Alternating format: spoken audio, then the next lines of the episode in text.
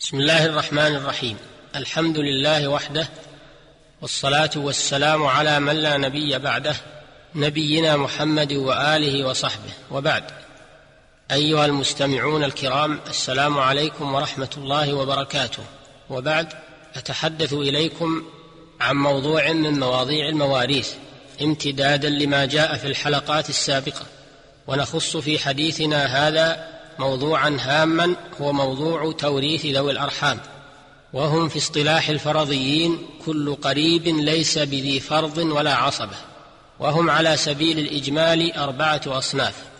الصنف الأول من ينتمي إلى الميت وهم أولاد البنات وأولاد بنات البنين وإن نزلوا. الصنف الثاني من ينتمي إليهم الميت وهم الأجداد الساقطون والجدات السواقط وإن علوا. الصنف الثالث من ينتمي إلى أبوي الميت.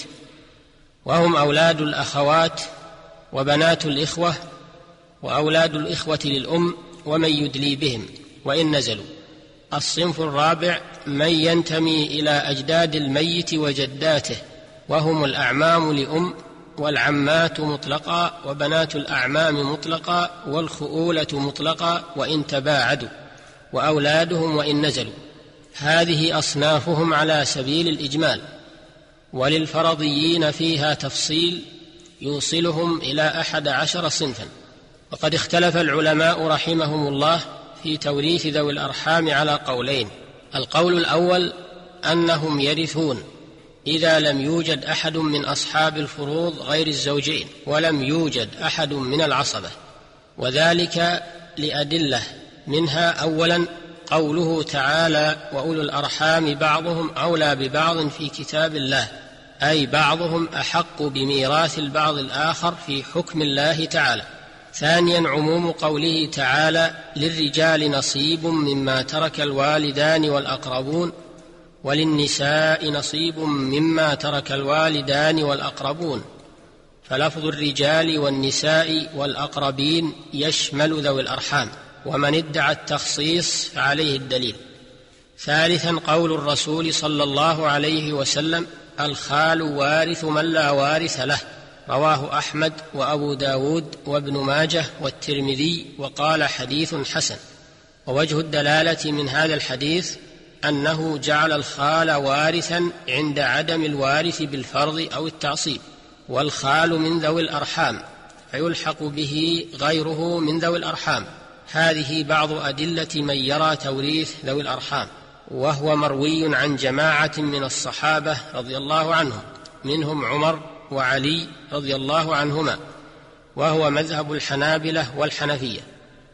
والوجه الثاني في مذهب الشافعية أيضا إذا لم ينتظم بيت المال. والقول الثاني أن ذوي الأرحام لا يرثون.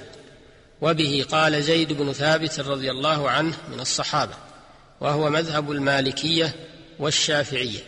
فيجعل مال الميت عند هؤلاء إذا لم يكن له وارث بفرض أو تعصيب يجعل في بيت مال المسلمين. استدلوا بأدلة.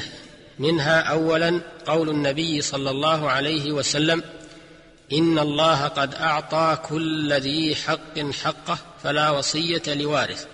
رواه الخمسة إلا النسائي وحسنه الترمذي. قالوا فلو كان ذا الرحم ذا حق لكان ذا فرض في كتاب الله فلما لم يكن كذلك لم يكن وارثا. ثانيا قوله صلى الله عليه وسلم سألت الله عز وجل عن ميراث العمة والخالة فسارني ألا ميراث لهما. أخرجه أبو داود في المراسيل. وله طرق لا تصح. ووجه الدلالة منه أنه إذا كان لا ميراث للعمة والخالة وهما من ذوي الأرحام فكذلك بقيتهم.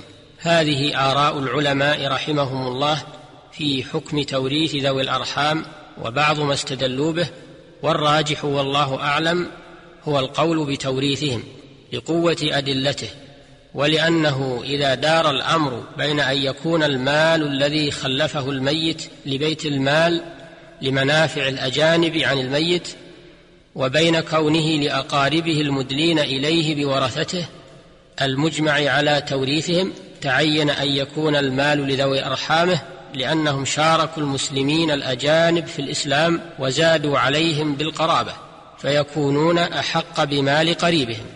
والآيات التي بينت المواريث واستدل المانعون بعمومها لا تمنع من توريث ذوي الأرحام عند عند عدم أصحاب تلك المواريث وقد ثبت توريثهم بأدلة أخرى.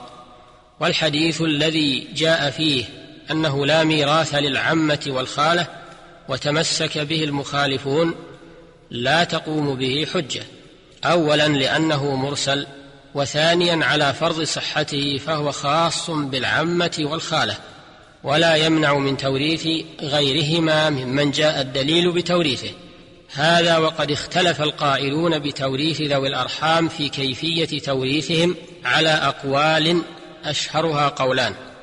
القول الأول أنهم يرثون بالتنزيل بأن ينزل كل واحد منهم منزلة من أدلى به فيجعل له نصيب. فأولاد البنات وأولاد بنات البنين بمنزلة أمهاتهم والعم لأم والعمات بمنزلة الأب والأخوال والخالات وأبو الأم بمنزلة الأم وبنات الإخوة وبنات بنيهم بمنزلة الإخوة وهكذا والقول الثاني أن توريث ذوي الأرحام كتوريث العصبات يقدم الأقرب فالأقرب منهم. والله تعالى أعلم وإلى الحلقة القادمة بإذن الله تعالى. والسلام عليكم ورحمة الله وبركاته. الحمد لله رب العالمين. صلى الله وسلم على نبينا محمد وآله وصحبه.